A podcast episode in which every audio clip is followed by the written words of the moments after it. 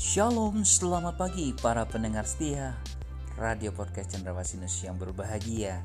Hari ini kita akan mendengar akan renungan akan firman Tuhan. Biarlah firman Tuhan yang hidup itu akan menjadi berkat ketika Anda mendengarnya Dan rema dalam kehidupan Anda. Selamat mendengarkan firmannya. Tuhan Yesus memberkati Anda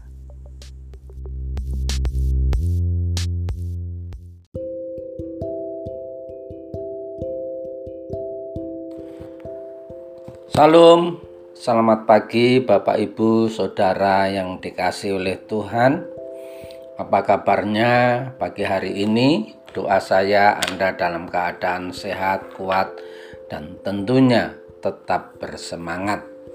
Kembali saya Pendeta Samuel sharing kebenaran firman Tuhan yang saya ambil di dalam Mazmur 1 ayat 1 sampai yang ketiga demikian firman Tuhan. Berbahagialah orang yang tidak berjalan menurut nasihat orang fasik, yang tidak berdiri di jalan orang berdosa, dan yang tidak duduk dalam kumpulan pencemooh, tetapi yang kesukaannya ialah Taurat Tuhan, dan yang merenungkan Taurat itu siang dan malam. Ia seperti pohon yang ditanam di tepi aliran air yang menghasilkan buahnya pada musimnya dan yang tidak layu daunnya. Apa saja yang diperbuatnya berhasil. Haleluya. Pagi hari ini saya kasih tema firman yang bertumbuh.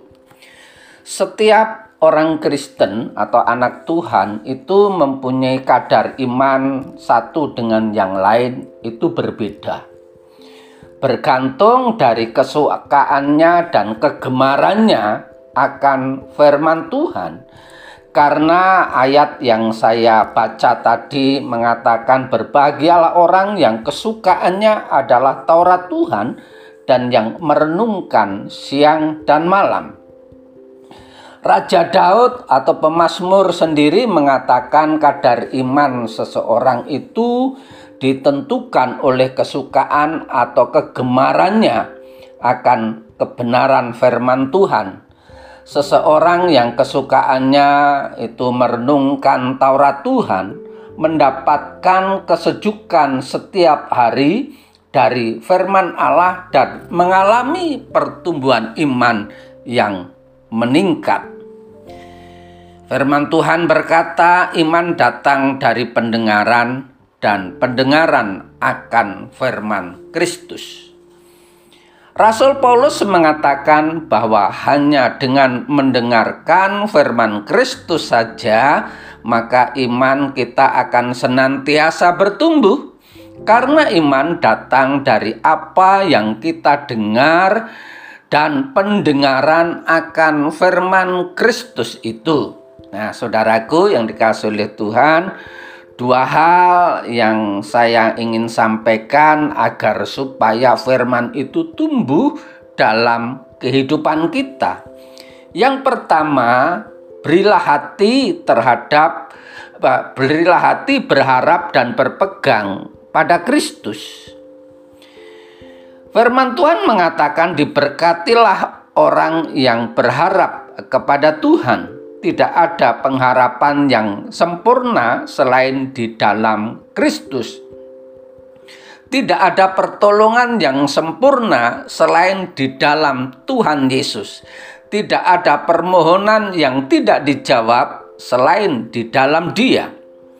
Karena setiap orang yang ber, berharap, yang memohon pertolongan kepada Tuhan, akan diberkati permasalahannya yang kita alami sekarang, apakah itu permasalahan ekonomi, permasalahan pekerjaan, keluarga, pasangan hidup?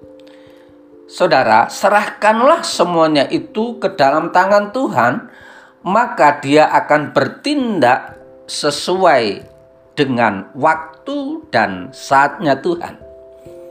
Yang kedua, tetaplah kuat dan teguh di dalam iman. Memelihara saat teduh dengan baik merupakan langkah tepat untuk menumbuhkan firman di dalam kehidupan kita. Sediakan waktu khusus untuk selalu bersekutu dengan Tuhan lewat doa dan firman-Nya dengan lebih tekun dan lebih sungguh-sungguh. Sebab hanya dengan demikian kita dapat memelihara firman yang telah ditaburkan atau firman yang kita dengar, bahkan yang kita baca. Raja Daud memberi teladan dan contoh kepada kita supaya kita selalu dekat dengan Tuhan karena hanya dekat Allah saja aku tenang daripadanya lah pertolonganku dan kemuliaanku aku tidak akan goyah. Sahabat podcast yang dikasih oleh Tuhan. Firman Tuhan adalah bini yang Allah tabur dalam hidup kita sebagai orang percaya. Tetapi bini itu tidak akan pernah berbuah jika bini itu tidak bertumbuh. Dan untuk bertumbuh, bini itu harus kita pelihara karena itu peliharalah firman yang sudah Allah taburkan dalam hati saudara, dalam hati Bapak Ibu, agar supaya firman itu berakar, bertumbuh, dan menghasilkan buah. Selamat pagi, selamat beraktivitas. Tuhan Yesus memberkati, tetap semangat.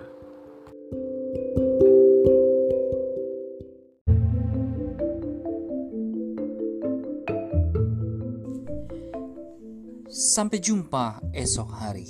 Kiranya damai sejahtera dari Allah Bapa, kecintaan kasih daripada Tuhan Yesus Kristus, dan persekutuan Roh Kudus menyertai kita mulai hari ini, esok, sampai Maranatha. Tuhan Yesus datang kedua kalinya. Sampai jumpa. thank you